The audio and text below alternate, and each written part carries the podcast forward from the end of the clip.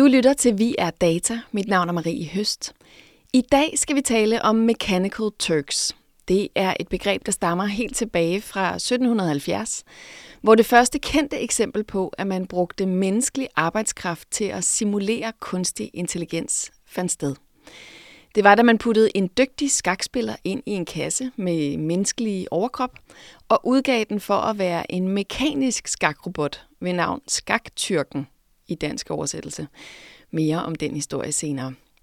Der er gennem tiden mange flere eksempler på sådan nogle hurtige typer, der har hævdet, at deres kloge maskine var baseret på kunstig intelligens, når den rent faktisk har været baseret på helt almindelig menneskelig intelligens.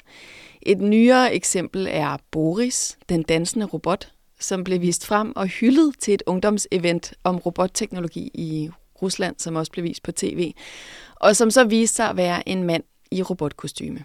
Forestil dig sådan en mere moderne C-3PO, og som var cirka lige så overbevisende. I dag bruges udtrykket Mechanical Turk dog oftest om crowdsourcing, det vil sige netbaserede opgaver, som mange mennesker arbejder for at udføre sammen hver for sig. Mest kendt er Amazons Mechanical Turk, men der er flere lignende, såsom Crowdflower og Clickworker og Toluna.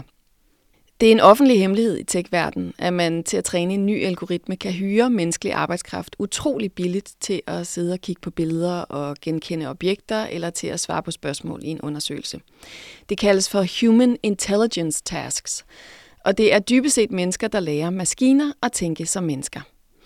Men det er vel en overgang, indtil den kunstige intelligens bliver så klog, at den ikke længere behøver menneskelige assistenter, kunne man tænke.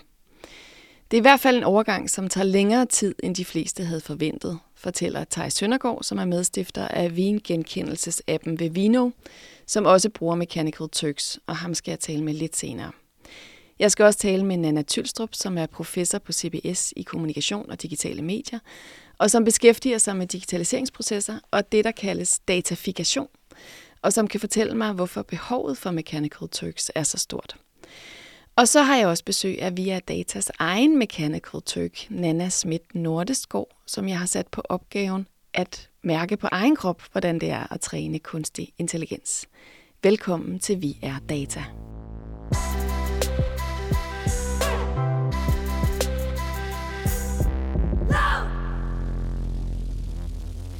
Vi er Data er et ugenligt program, som handler om vores drøm om teknologien som vores tjener, og vores frygt for teknologien som vores betvinger. Vi undersøger, hvordan teknologien ændrer vores liv på ganske uventede måder, og hvordan vi kan være med til at fremelske de teknologier, vi ønsker os i verden. Hej, Anton Gade Nielsen. Hej, hej. Du er jo vært på programmet, der hedder All Caps. Ja. Det er et program på Radio Loud. Hvad, hvad handlede programmet om sidst? I torsdags handlede programmet om noget, som er mig lidt ubekendt, Fortnite. Fordi altså, det er et computerspil, mm. til dem, der ikke lige ved det. Det tror jeg, de fleste ved. Et computerspil, hvor det gælder om at primært gælder computerspillet om at være den sidste overlevende af 100 deltagere i en øh, kampzone ø, hvor man skyder hinanden. Ja. Øhm, men så handler det også rigtig meget om at være sammen med sine venner og lege med sine venner derinde, og derfor har vi kigget på Fortnite som et socialt medie, og snakket lidt med både øh, nogen, der spiller Fortnite, men også no- en ekspert, som ved rigtig meget om sociale medier, og hvordan brands fungerer der. Det har været vildt spændende. Det glæder jeg mig til at høre. Ja. Anton, øh, vi to sidder her i et radiostudie på Enigma-museet på Østerbro i København.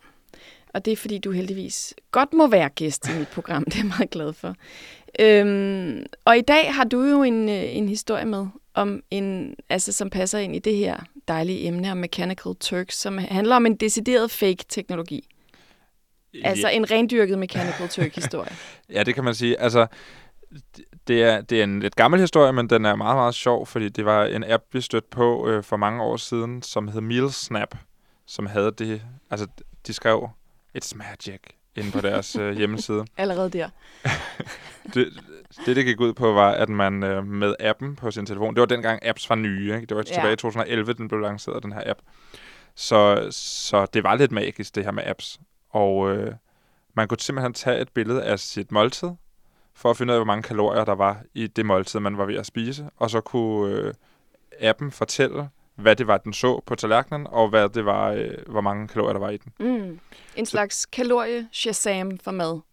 Ja, ja, ja, ja. I stedet for at spille en sang fra appen, ja. så viste du den, hvad du sidder og spiser. Okay. Så du kunne tage et billede af din burger, øh, og så ville appen så fortælle dig, at det du spiser er en burger, og der er så så mange kalorier i.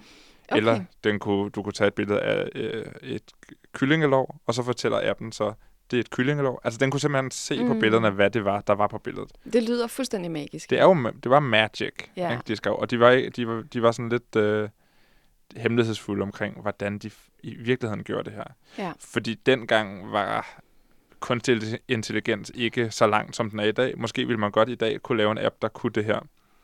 Men dengang, der sad der simpelthen bare mennesker i den anden ende af appen, og Mm. øh, kiggede på billedet og vurderede efter bedste skøn, hvad det var, de så på. Det er på en måde lidt mindre magisk, når man tænker, hvordan gør den det? Der sidder Nå. en, simpelthen en mand inde i kassen og fortæller dig, det Ja. her er en burger. Ja. Og så måske lige googler, hvor mange kalorier er der i en burger.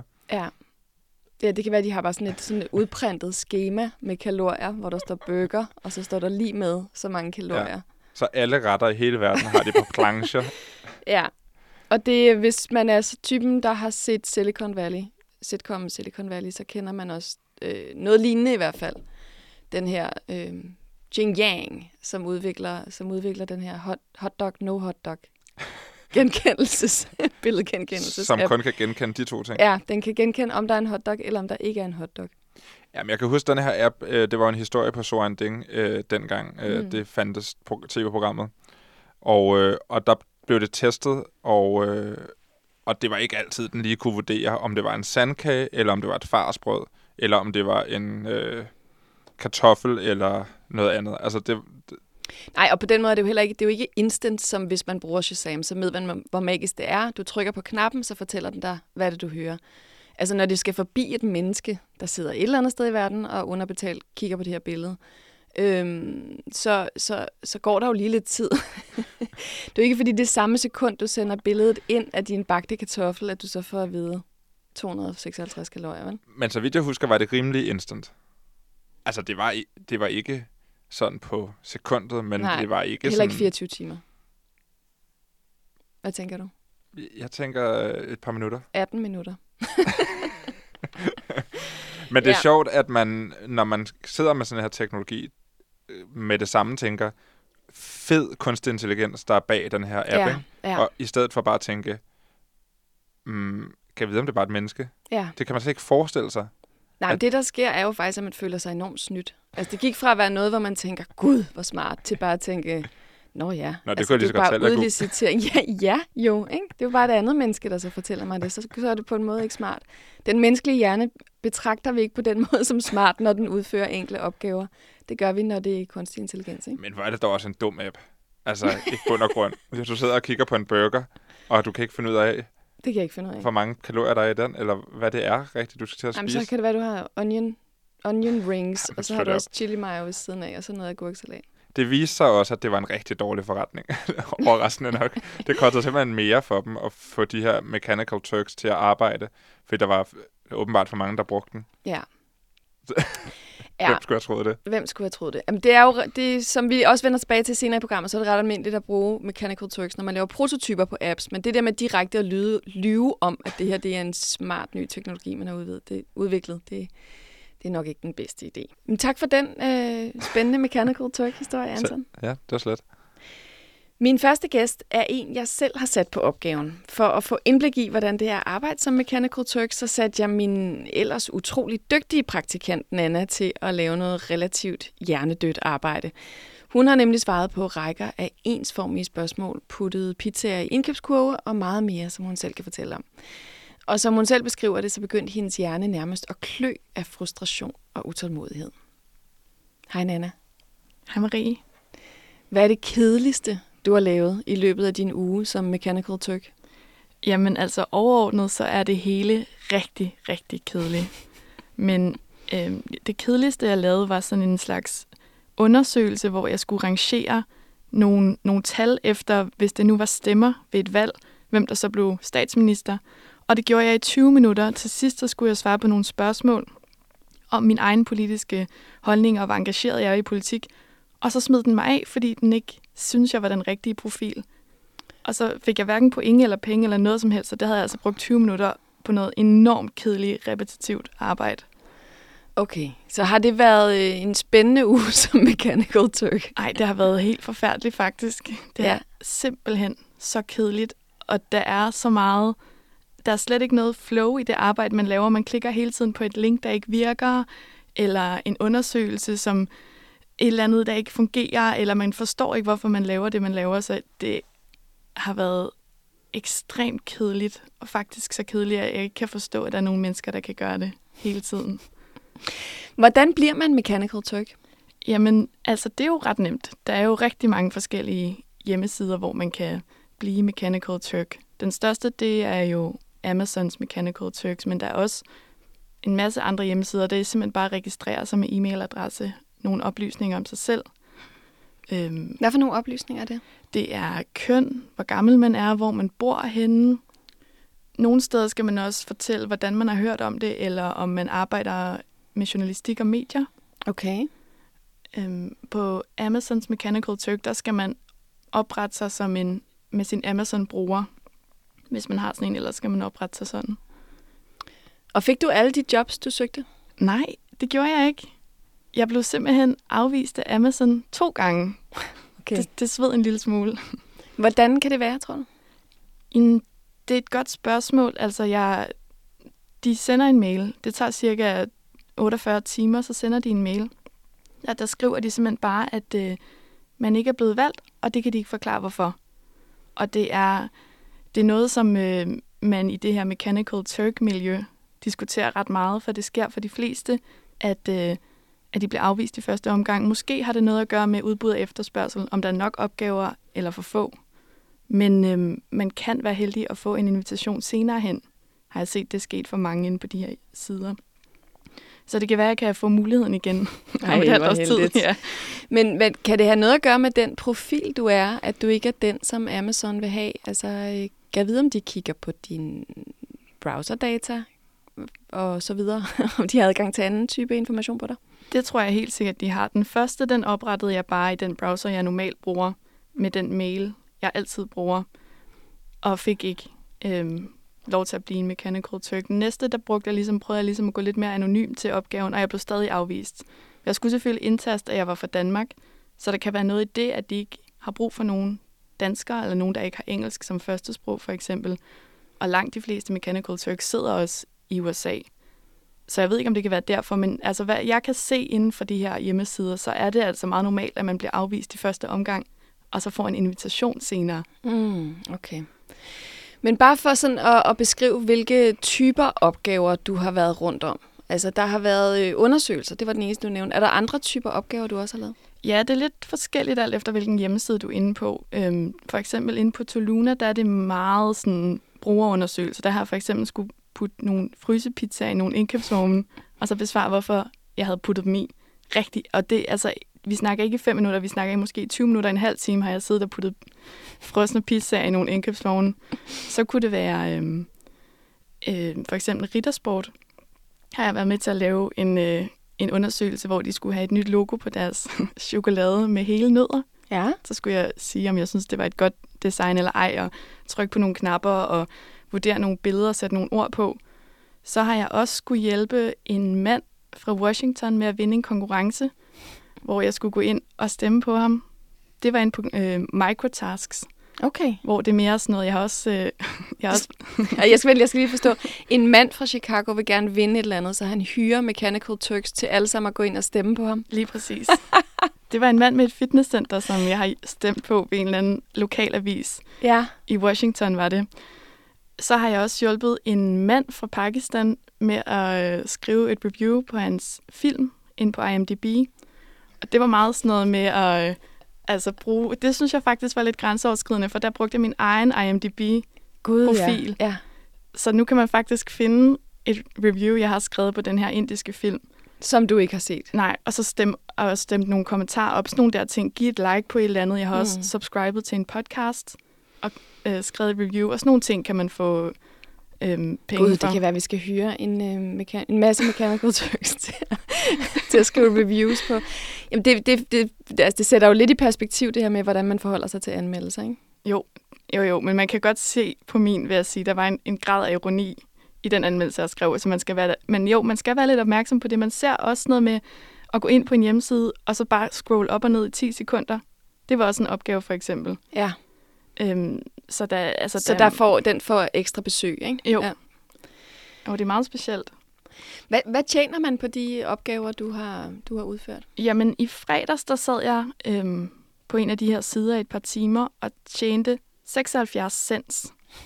Ja. Det, og det er altså mindre, end det kræver at få pengene udbetalt. Og det, der også er så absurd, det er for eksempel på Amazons Mechanical Turk, der kan jeg ikke få udbetalt penge, hvis jeg nu havde fået en, et job derinde. Jeg kan kun få det udbetalt til gavekort til Amazon. Wow, Så smart. der er så få penge i det her. Altså det er 10 cents, eller nogle gange 20-35 cents, hvis det går højt, ikke? Mm. Og nogle steder får man bare point. Så der er altså rigtig, rigtig, rigtig langt til at kunne leve af det. Får man en forklaring på, hvad det skal bruges til, det man sidder og laver? Noget af det kunne, kunne du gennemskue, kan jeg høre. Er der opgaver, man laver, hvor man ikke aner, hvad det er til? Ja, det er der rigtig meget af. Rigtig meget af sådan noget, put, øh, rangere de her ting, eller sætte et ord på det her, mm. eller ja, det er der rigtig meget af. Okay. Du, du er blevet medlem af en Facebook-gruppe for Mechanical Turk Workers. Hvad, hvad taler man om derinde? Mm, jeg synes, man taler rigtig meget om de her approval ratings, man har, fordi når man sidder og løser de her opgaver, så, øhm, så dem, der har udbudt opgaven, de kan afvise en uden forklaring, hvis de ikke synes, man har løst den tilfredsstillende. Så det, de bruger rigtig, rigtig, rigtig meget tid på at snakke om, det er, hvordan man beskytter sin approval rating. Hvis man ikke har en høj, så kan man ikke få nogle opgaver, og så er det faktisk ligegyldigt. Så de snakker rigtig meget om, hvem man, hvilke opgaver man skal tage, og hvilke opgaver man ikke skal tage. Og så bruger de rigtig meget de her scripts, som kan sidde og sådan søge igennem alle de her opgaver for dem og finde nogle, der er gode. De snakker rigtig meget om det. Mm-hmm. Hvordan kan man finde de gode opgaver, og hvem udbyder de gode opgaver? Og hvor kommer de primært fra, de her, i den Facebook-gruppe, du er på? De er amerikanere. Der er rigtig mange kvinder. De bor på landet. De har mange børn. De går hjemme. Øhm, det, er, det er ret vildt, når man har prøvet det, at det er så sindssygt kedeligt, og det er så sindssygt, det, er, det tager ret lang tid bare at finde en opgave, man kan løse. Jeg synes, det er helt vildt at forestille sig, at der er nogen, der sidder og laver det her fuld tid, og får måske 10-15 dollars om dagen, altså 2,5 dollars, det er sådan noget 17-18 kroner i timen for at lave det her ja. fuldstændig hjernedøde arbejde. Er det et studiejob, du kunne forestille dig? Nej, det er det godt nok ikke. Jeg kan faktisk ikke forestille mig noget værre. Nej. Så kan jeg få det udbetalt i Amazon gift cards. ja, præcis. Lucky you. Ja. Skulle du uh, tilfældigvis tegne nogen for? Nej, det skulle jeg desværre ikke. Ja, det er fordi, øhm, det har vi jo også talt om, der er, der er den her, øh, det her projekt på et tidspunkt, nogen lavede dengang Mechanical Turks var relativt nye, hvor der var en, en, øh, en dude, der fik 10.000 Mechanical Turks til at tegne får, der havde hovedet til venstre. Et får set med hovedet til venstre. Øhm, som altså har samlet en database. Og det, det er ret sjovt at se, hvordan folk tegner får. Og så giver det jo også en fornemmelse af, at der sidder nogle mennesker, Altså, der sidder nogle mennesker bag ved det her clickwork, for det der med at få en kreativ opgave. Har du prøvet, har du fået kreativ opgave? Nej, jeg har ikke fået en, der var så sjov som den der. Nej. Men det er jo også det, altså, det lyder endda som en god opgave, siger jeg, som en, der har arbejdet på sådan noget en uge. Der tænker jeg, det ja. lyder da meget sjovt, hvis man kunne få 10 cents for at tegne et får. Det er så ret kort tid. Jeg synes, det lyder som en ret god opgave. meget bedre end noget af det andet, man kan få. Ja. Nana, undskyld, at jeg gjorde dig til Mechanical Turk, men tak for dine erfaringer. Det var så lidt.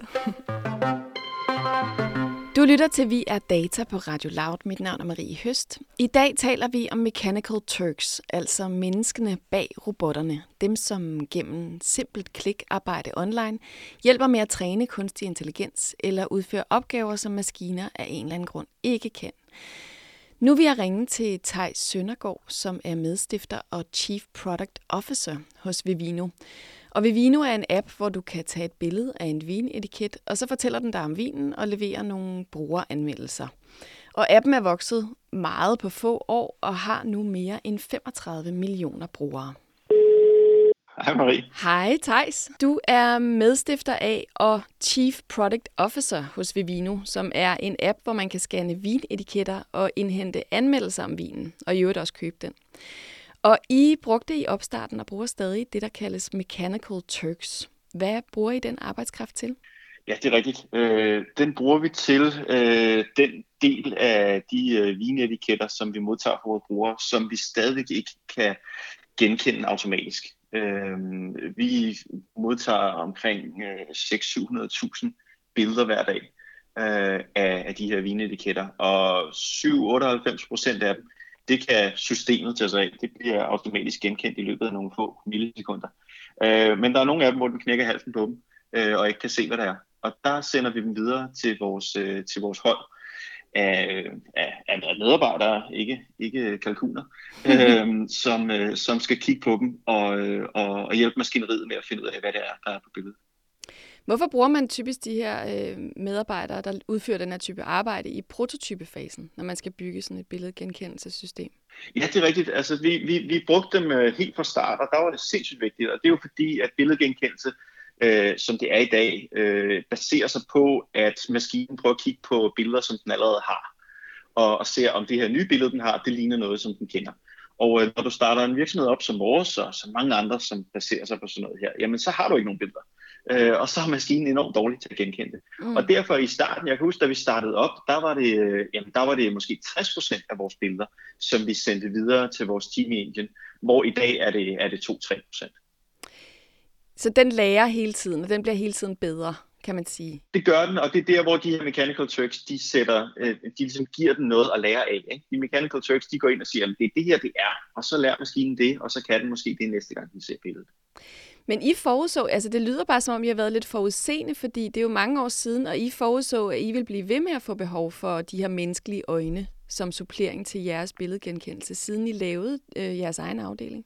Ja, det er rigtigt. Altså, vores, øh, vores syn på det her har faktisk været, og det er det, vi lykkes med, at vi har faktisk holdt vores budget på det her øh, stabilt, øh, på trods af, at vi nu, som sagt, vi sender, vi, vi, vi sender jo enormt mange billeder over til Indien, men det er faktisk lige så mange billeder, som vi sendte over øh, for 10 år siden, da vi startede. Men det er fordi, maskinen er blevet bedre og bedre, så selvom vores brugervækst og vores vækst i billeder har været enorm, jamen så den procentdel, vi har sendt videre, den er blevet mindre og mindre. Så vi har faktisk haft en stabil øh, udgift til det her, til trods for, at vores brugere er vokset øh, ja, enormt meget i de, i de 10 år. Ikke?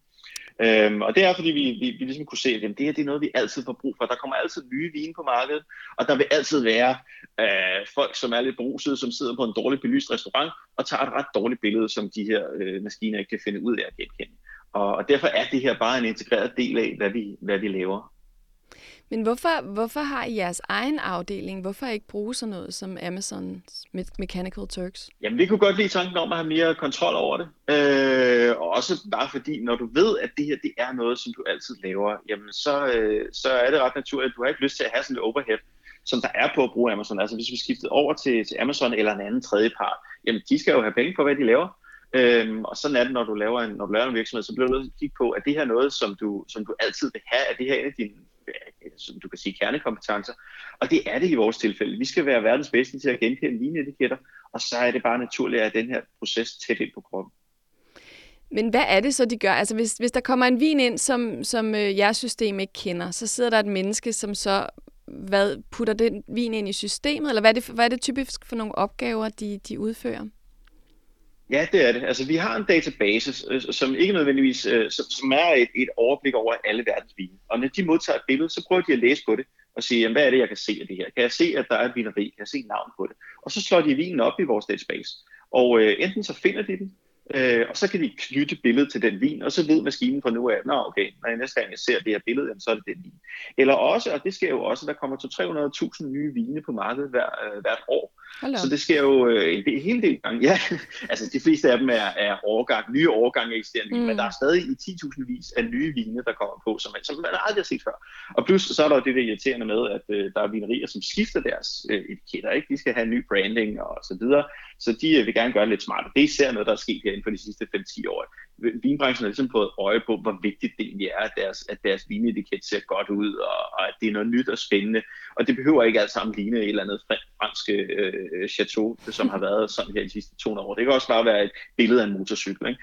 Så mm. du har de her vinerier, som skifter deres, deres etiketter ud, og det skal vi jo følge med i. Så det sker øh, 200-300.000 gange, øh, at der kommer et nyt produkt på markedet i løbet af året. Og det er der, hvor øh, at maskinen den, den knækker halsen og siger, det her har jeg aldrig set før, jeg aner ikke, hvad det er. Og så er der et menneske, der går ind og siger, jamen, er der et eller andet hint? Skriver de et, et vineri på det? Eller er der noget, som, som jeg kan gå ind og genkende?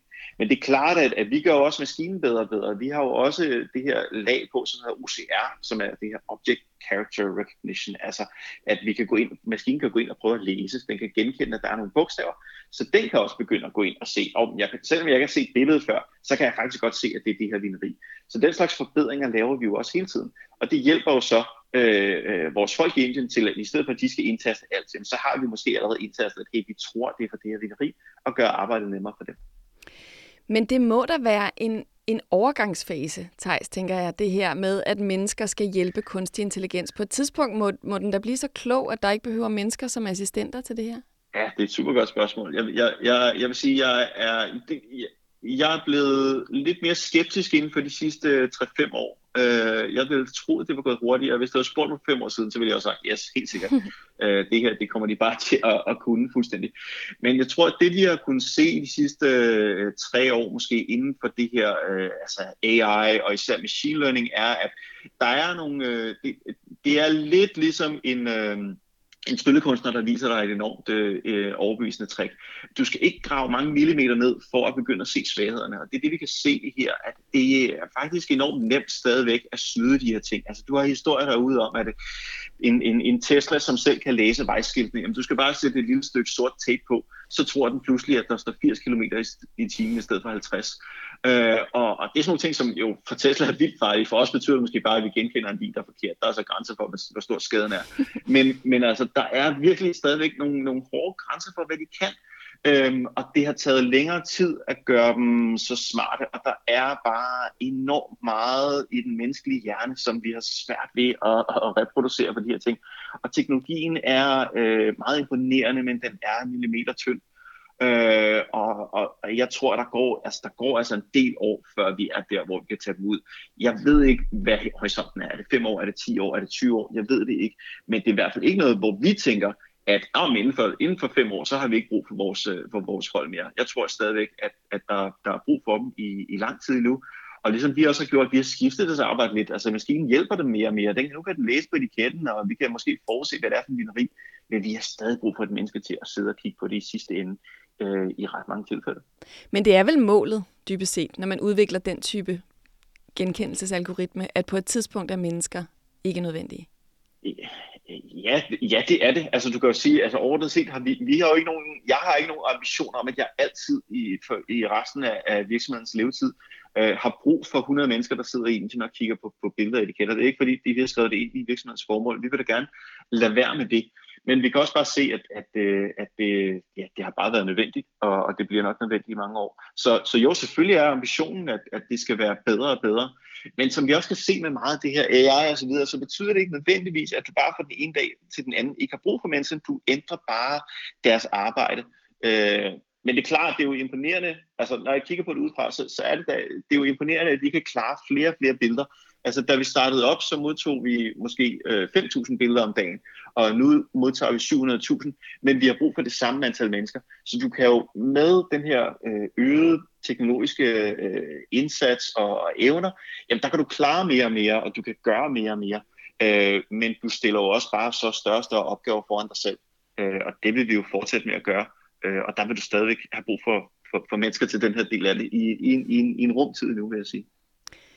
Thijs, tusind tak for at fortælle os lidt om øh, udviklingen inden for øh, billedgenkendelse hos jer. Du er meget velkommen. Du lytter til Vi er Data på Radio Loud. Mit navn er Marie Høst. I dag taler vi om Mechanical Turks. Menneskene inde i robotterne, dem som gennem simpelt arbejde online hjælper med at træne kunstig intelligens, eller i det hele taget udføre de opgaver, som maskiner af en eller anden grund ikke kan. Om lidt skal jeg tale med Nana Tylstrup, som er professor på CBS, om hvorfor brugen af Mechanical Turks er blevet så omfattende. Men først skal vi høre historien om den oprindelige Mechanical Turk.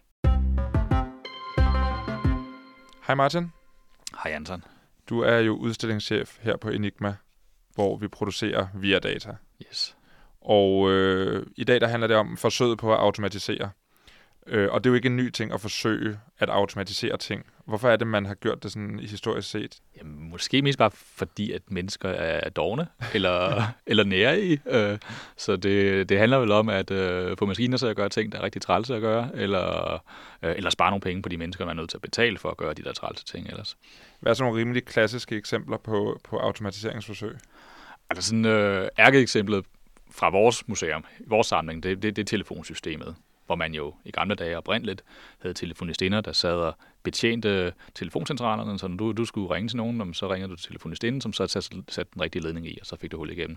Det blev automatiseret. Først øh, den funktion, som hed, øh, øh hvad er klokken, søde telefonistinde, fordi folk ringede ind og spurgte, hvad klokken var. Det klarede man med frøken klokken, en maskine, der kunne læse, øh, læse, læse, læse klokken op i stedet for. Og senere så sparede man dem helt væk ved at lave systemer, som gjorde, at, øh, at du selv kunne dreje nummeret, og senere trykke nummeret på dit telefonapparat derhjemme. Okay, så drejeskiven var, var øh, automatisering af telefonist inden? Simpelthen, og fyringen af hende. Jeg ved også, du har nogle, et eksempel på noget, der ikke lykkedes. Ja, computerhistorien for eksempel. Gamle dage, der en computer, det var jo et menneske. Et menneske, der sad og, og regnede øh, kedelige, ensartede regnestykker hele dagen.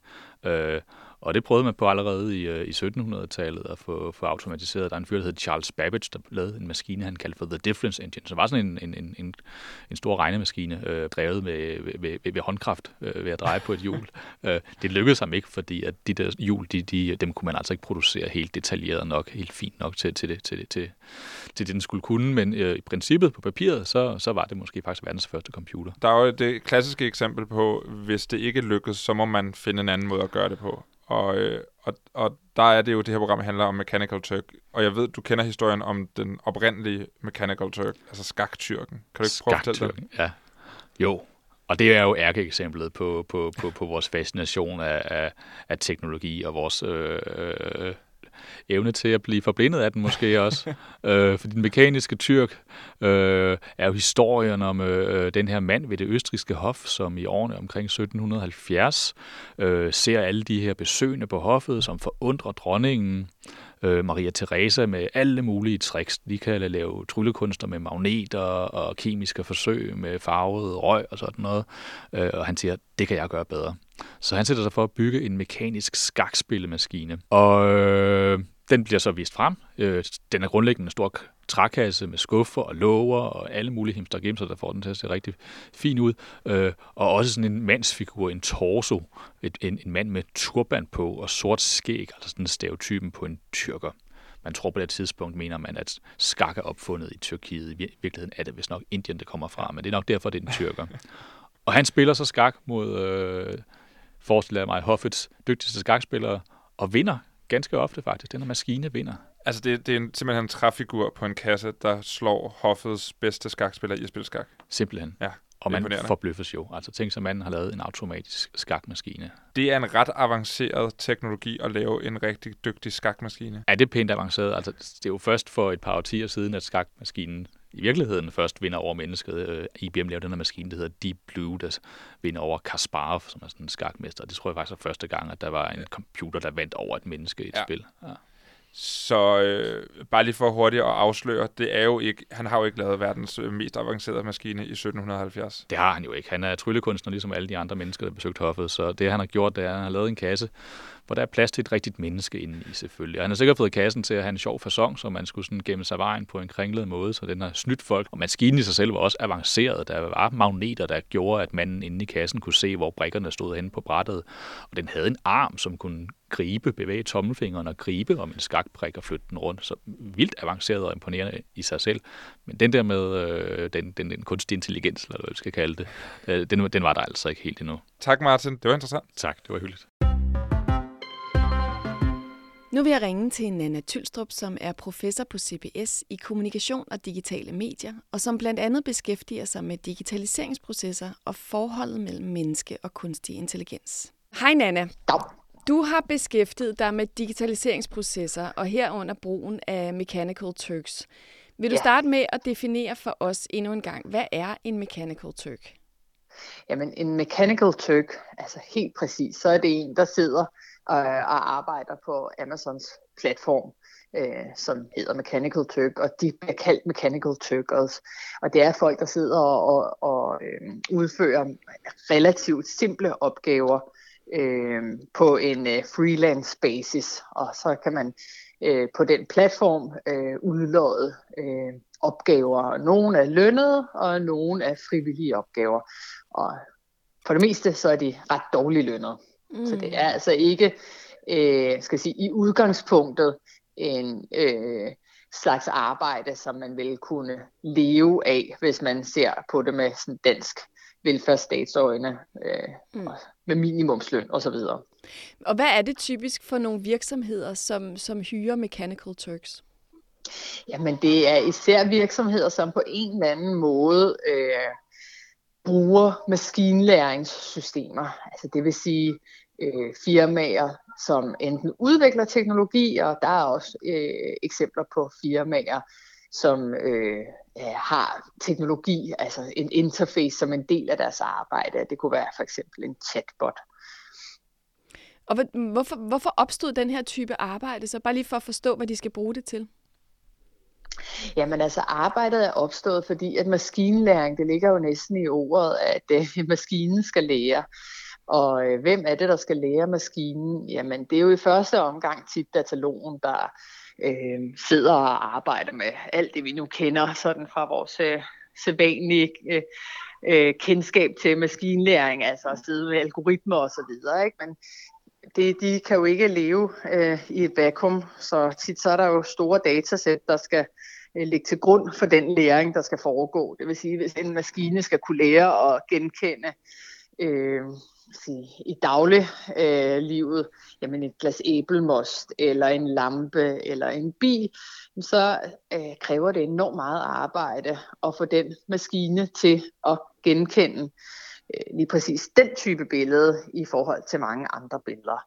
Øh, det kan jo også være netop, altså det er jo tit det der problemet på internettet med, med pornobilleder, øh, og altså billeder, der har pornografisk indhold, øh, eller andre typer øh, udtryk, som på en eller anden måde det kan virke stødende. Øh, så, så det er simpelthen et spørgsmål om både sådan helt almindelige øh, øh, helt almindelige processer, hvor maskinen skal kunne afkode, altså forstå i gåsetegn, ikke? Mm. Øh, dens omverden og det, den skal beskæftige sig med, og så de her mere specifikke øh, fokusområder. Men det her må vel være en overgang. Jeg, jeg har talt med, med, med Thijs Søndergaard fra Vivino, som har brugt det her blandt andet i en ja. prototype, og som stadig bruger dem til en vis grad. Og, og som jeg også spurgte ham om, det kan vel ikke blive ved med at være nødvendigt at få mennesker til at hjælpe øh, maskinlæring eller kunstig intelligens, og det må vel på et tidspunkt, må de vel kunne det af sig selv, eller hvordan? Ja, og hvad sagde han? Jamen, han sagde, at, øh, at det tog længere tid, end han havde regnet med. Han sagde, ja. at, øh, at det, det var overraskende for ham, hvor lang tid de ville blive ved med at få brug for dem. Ja, og det er jo den generelle erfaring. Det er, at øh, så dygtige som maskiner er, så er de jo stadig øh, enormt dårlige til rigtig mange ting.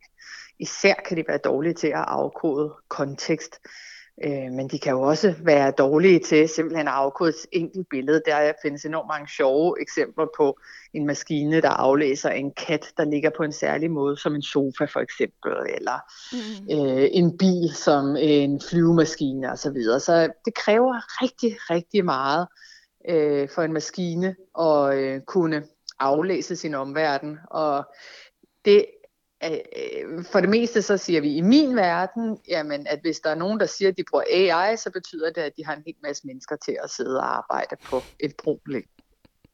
Men har det udviklet sig det her med, altså hvad, hvad human intelligence task så er? Hvad det er, man skal hjælpe maskinen med, AI'en med?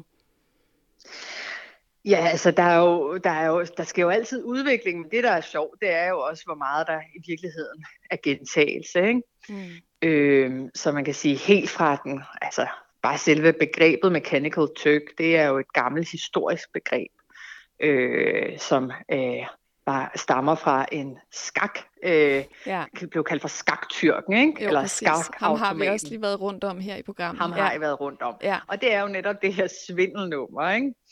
Øh, som skulle narre folk. Og det man kan sige, det er, at selvfølgelig bliver maskiner klogere og klogere, men øh, mange af de opgaver, der skal løses, de ligner øh, de ligner stadig det, der skulle løses også for 70 år siden. Så øh, vi oplever stadig i dag, at vi fodrer maskinen med billeder eller tekst, og så er der nogen, der skal sidde og, og aflæse øh, den tekst eller det billede i den rigtige kontekst. Er der nogle eksempler på sådan, eller det ved jeg jo, der er, men jeg tænker, du kender flere end mig, sådan eksempler på decideret snyd, altså hvor man siger, det er, som du lige nævnte før, AI, og så viser det sig at være mennesker, hvor man ikke har været åbne omkring den proces der? Ja, men altså, det er jo, det er jo, der findes sikkert masser af eksempler på folk, der har løjet, og firmaer, der har løjet. Ja, men øh, for det meste, så får det jo lov til bare at stå sådan lidt hen i det uvisse, og man kan sige, lyver man, hvis man siger, at man bruger AI, og så er der også mennesker involveret. Nej, det er jo ikke en decideret en løgn, men øh, de, langt de fleste eksempler er nemlig, at man øh, slet ikke fremhæver menneskets rolle i øh, den øh, maskinlæringsproces, man engang, nu engang bruger.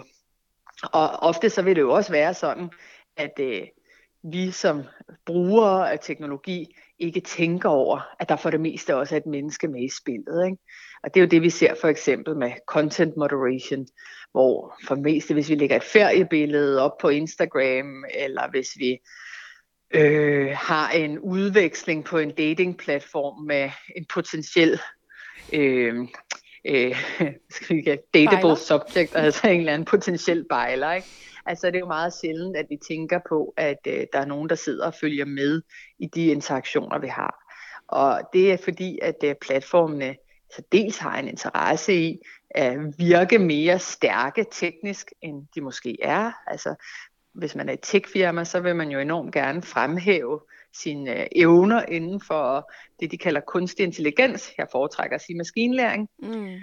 Øh, men, øh, men det kan jo også være fordi, fakt, at der er mange, der vil synes, at det var grænseoverskridende øh, at vide, at der sidder en et andet sted i verden og kigger på det, som man egentlig tænkte var måske en privat øh, udveksling.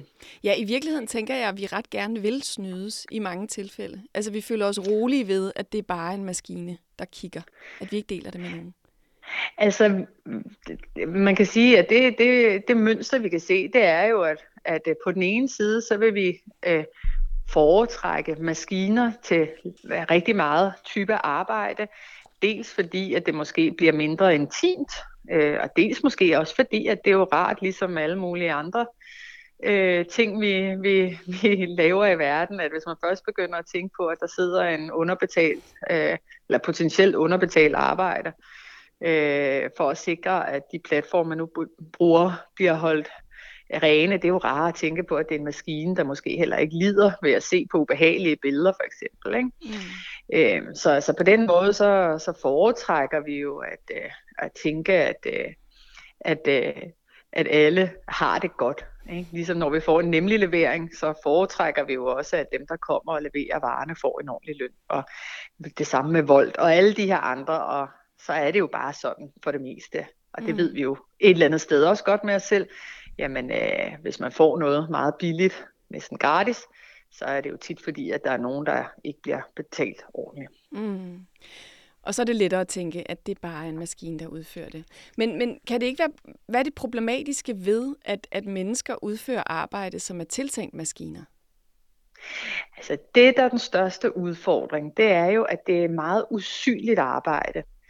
Øh, så lad os øh, sige, det svarer lidt til, at vi står og klapper af lægerne og sygeplejerskerne, fordi de står på frontlinjerne lige nu i covid-19-krisen. Mm. Øh, men vi glemmer at klappe af dem, der gør rent. eller alle dem, der ligesom arbejder med det, vi kalder maintenance. Ikke? Mm.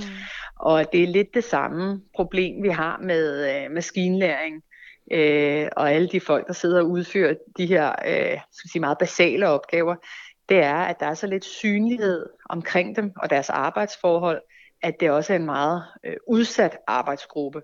Det er meget udsat for at blive udnyttet af de platforme, der bruger deres arbejdskraft. Men gen- arbejdet er jo også generelt, jeg tænker, dem, der, der sætter sådan nogen til det, de tænker, nå, men det er jo flekstid, og så kan de lige gøre det lidt ved siden af og sådan noget. Men, men er det virkeligheden, at man kun lige bruger et par timer her og der på det? Eller hvordan arbejder de her mennesker med det? Ja, der er en meget, altså, det er en meget bred, øh, det er et meget bredt udsnit af arbejdere, der øh, arbejder på de her platforme. Så du ved, mange af de historier, der kom op i det øh, sit tidlige år, det var de her husmøder, som øh, måske synes, at det var hyggeligt at sidde og løse de her opgaver, ligesom de kunne sidde og løse en kryds og tværs eller andre former for opgaver. Ikke? Altså, mm. Så hyggede de sig med at sidde og øh, klikke på billeder. Simpelthen bare lige sådan sudoku ikke? for at slå hjernen fra. Ja. Men, øh, og det er jo en rar tanke også, at man kan kan glæde en husmor, der sidder og keder sig ved at udlåde en opgave, og så samtidig så får man også selv noget af det. Det er jo en ren win-win situation. Men realiteten er jo bare, at øh, langt de fleste, der udfører den her type arbejde, det er folk, der faktisk er kommet til at blive afhængige af det. Ligesom vi ser med de fleste andre platforme, som Uber, og igen Volt og Nemlig og alle de her, der på en eller anden måde udlodder noget arbejde uden også at tage ansvar for medarbejdernes øh, øh, øh, arbejdsforhold. Mm. Jeg har hørt beskrivelser af, at internettet er en stor Mechanical Turk. Hvad, ja. hvad menes der med det? Jeg har ikke selv hørt det udtryk, men altså mit bedste bud, det vil jo være netop øh, det her med, at man ønsker at understrege, at internettet ikke bare er en teknologisk infrastruktur og en stor kunstig intelligens, men at internettet er et summende virvar af mennesker, der arbejder for at få det her til at fungere. Og grunden til, at man kan have en interesse i at udlægge internettet på den måde, det er jo netop øh, at understrege, at øh, i forhold til alt det gode, som internettet har bragt med sig, så har der også været nogle slagsider, og nogle af de slagsider ser vi jo netop i forhold til mange af de her nye typer meget usynlig, usynliggjorte og, og sårbare øh, arbejdsgrupper. Mm. Og at det er en god reminder at huske sig selv på, ligesom med skaktyrken øh, øh, dengang, at øh, ting øh, dukker jo ikke magisk op, og ting fungerer ikke magisk. For det meste, så skal der altså en rigtig stor menneskelig indsats til at få en infrastruktur til at fungere. Så hvor længe kommer vi til at se brugen af Mechanical Turks ud i fremtiden? Jamen altså, jeg jo, hører jo til en af dem, der ikke tror på singulariteten og øh, har en idé om, at øh, menneskelig arbejdskraft altid vil være nødvendig. Og det er jo også netop derfor, når jeg siger, at jeg foretrækker at sige maskinlæring frem for kunstig intelligens, mm. at øh, min tese, og jeg er jo ikke øh, futurist, så jeg kan ikke spå om fremtiden, men min tese vil være, at der altid vil være brug for menneskelig arbejdskraft, ligesom der altid har været det. Tusind tak, Nana Tylstrup, for at fortælle noget mere om Mechanical Turks. Det var så lidt. Du lytter til Vi er Data på Radio Loud. Mit navn er Marie Høst. I dag har vi talt om Mechanical Turks, et udtryk for, når der gemmer sig mennesker inde i maskinen. I det her tilfælde mennesker, som hjælper med at træne kunstig intelligens. Anton, ja. i den her sidste del af Via Data, der har du trålet internettet for spændende historier, som passer ind i dagens emne, og medbringer en fangst. Flot. Ja. Øhm, hvad, har du, hvad har du med i dag? Jamen, i dag der har jeg kigget lidt på, øhm, på noget, som relaterer sig lidt til dagens emne, som jo er de her Mechanical Turks, men på en lidt øh, anderledes måde. Mm. Det er det her, når du går ind på hjemmesider og skal udføre en eller anden opgave, og så øh, vil, kom, vil hjemmesiden gerne lige teste, om du kunne være en robot. Ja. Og så er der tit sådan en checkbox, hvor der står, øh, tjek lige den her af, for at vise, at du ikke er en robot, for det kan robotter ikke finde ud af. Og så, øh, så gør du det, og så får du nogle gange nogle spørgsmål. Kan du ikke lige skrive de her bogstaver eller de her ord ind, bare lige så vi ved en ekstra gang, at du ikke er en robot? Ja, altså nogle helt mærkelige bogstaver, som står helt skævt og flyver rundt og er svære at decifrere, ikke? Lige præcis. Ja. Og nogle gange kan man få den til at læse det op, hvis du... Øh, kan det? Ja. Vidste ikke. No, nogle gange er det jo så svært, at man ikke engang, altså ikke engang et menneske kan, ja, kan se, ja, hvad det er. Ja. Denne her funktion, som, der, som de alle sammen bruger, det er sådan et bestemt mærke af, af software, som mm. hedder Completely Automated Public Turing Test to Tell Computers and Humans Apart. Også kendt som CAPTCHA. Ja. ReCAPTCHA. Og Turing-test er jo det her med, er du en menneske eller en robot? Ja. Ja. Det, det, blev, øh, det blev simpelthen opfundet for, at man skulle teste, om, om, om det var en robot, der var på vej ind på hjemmesiden og lave ballade. Ikke? Ja, Så, så, så i som, starten, som robotter jo gør. de går ind og laver ballade. Jeg ved De går ind og scraper eller sender en hel masse spam. Det var også i starten af internettet, ikke? Ja. Så, så kunne de bare finde alle mulige sites, og så sende spam afsted til alle de e-mailadresser, de nu fandt. I starten var det jo bare de her bogstaver, som vi snakker om før, og tal, som bare skulle teste, om du var en robot. Men, man lige, men hurtigt fandt de ud af, at man kunne faktisk bruge denne her teknologi til noget andet. Så derfor begyndte øh, dem bag firmaet at, at, at putte ord øh, fra bøger, altså tage billeder af sider i en, i en papirbog, og så tage ord, og så få, øh, få os mennesker til at skrive, hvad det er for et ord, de ser. Det ene ord var et, der var inde i systemet i forvejen, så de kunne teste, Nå ja, men mennesket her kunne godt se, hvad det var for et ord. Det andet ord var et ord, der ikke var inde i systemet, så det kunne de ligesom få ind i systemet ved, at mennesket kiggede på ordet og skrev ordet ind i, øh, med, med tastatur i det her system. Så en måde at digitalisere verdens ikke digitaliserede bøger. Lige præcis. Ja, Og det er jo genialt. Ja det er genialt. Fordi så lige pludselig, så kan du både teste, om det er det rigtige menneske, der sidder her, men du kan også få en masse data. Mm. Og øh, på et tidspunkt kom Google selvfølgelig ind i det her og købte firmaet. Som Google jo gør. Ja, og, øh, og, og faktisk har vi alle sammen øh, været med til at digitalisere øh, bøgerne, der er inde i øh, Googles digitale boghandel, eller bogarkiv. Ja. Der er, øh, og, og det, det, det, det, det blev vi færdige med i 2011. Gud, hvor er vi gode. Ja. Tillykke til os. Og, øh, og ud over det, så er der blevet øh, digitaliseret 13 millioner artikler fra New York Times øh, bagkatalog, som, som dateres helt tilbage til 1851. Kun ved hjælp af de her recapture, hvor man altså skriver et ord ind ad gangen. Det er ret utroligt. Det, det betyder jo faktisk, at vi så alle sammen har fungeret som mechanical turks i det her system. Ja, altså i det her system kan man sige, der har vi fungeret som slavearbejdere til at skrive en, øh, en masse forskellige litteratur ind digitalt. Mm. Men, men de er jo gået skridtet videre, Google, og har nu brugt, øh, bruger det der. Jeg, og jeg er sikker på, at der er rigtig mange, der har prøvet det, at når man prøver at logge ind et sted, og den beder dig om at verificere, at du ikke er en robot, så får du sådan et billede i et grid, hvor der er en trafikscene.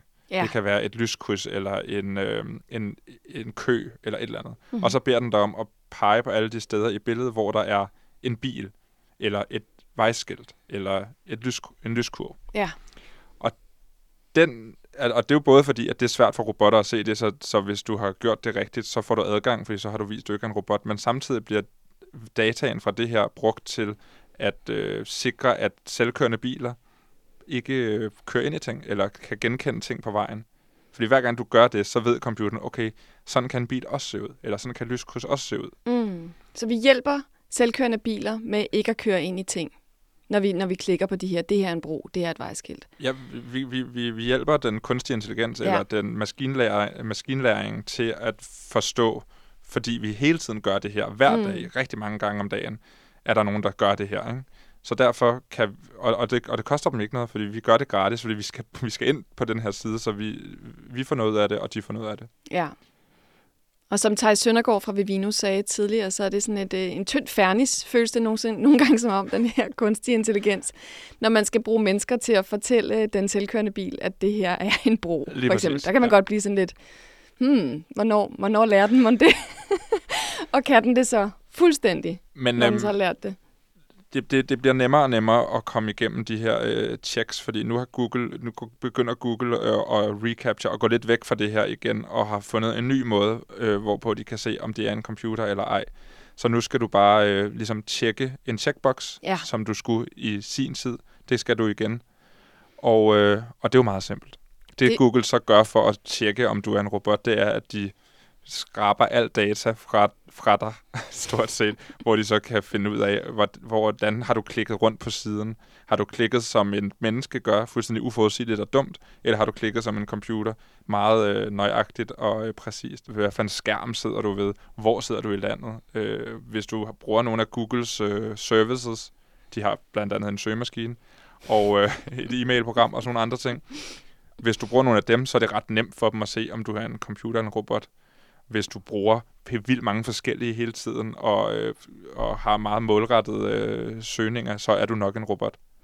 Så Google er gået fra at, hvad kan man sige, hjælpe verden ved at digitalisere svært digitaliserbart bøger til at gøre det, de altid gør, som bare hapse og stjæle al vores information, uden at fortælle os det. Hjælpe sig selv. Hjælpe sig selv. Ja. Don't be evil. tak, Anton, for den her fantastiske historie om Capture. Jamen, det var slet. Det var alt, hvad vi nåede denne gang i Vi er Data. Programmet er produceret af og på Enigma, og i redaktionen sidder Anton Gade Nielsen, Nana Schmidt Nordeskov og mig. Jeg hedder Marie Høst. Vi er tilbage næste lørdag kl. 17 med genudsendelse søndag kl. 17, og ellers kan du finde programmet i din podcast-app, hvis du søger på Vi er Data. Jeg håber, du vil lytte med.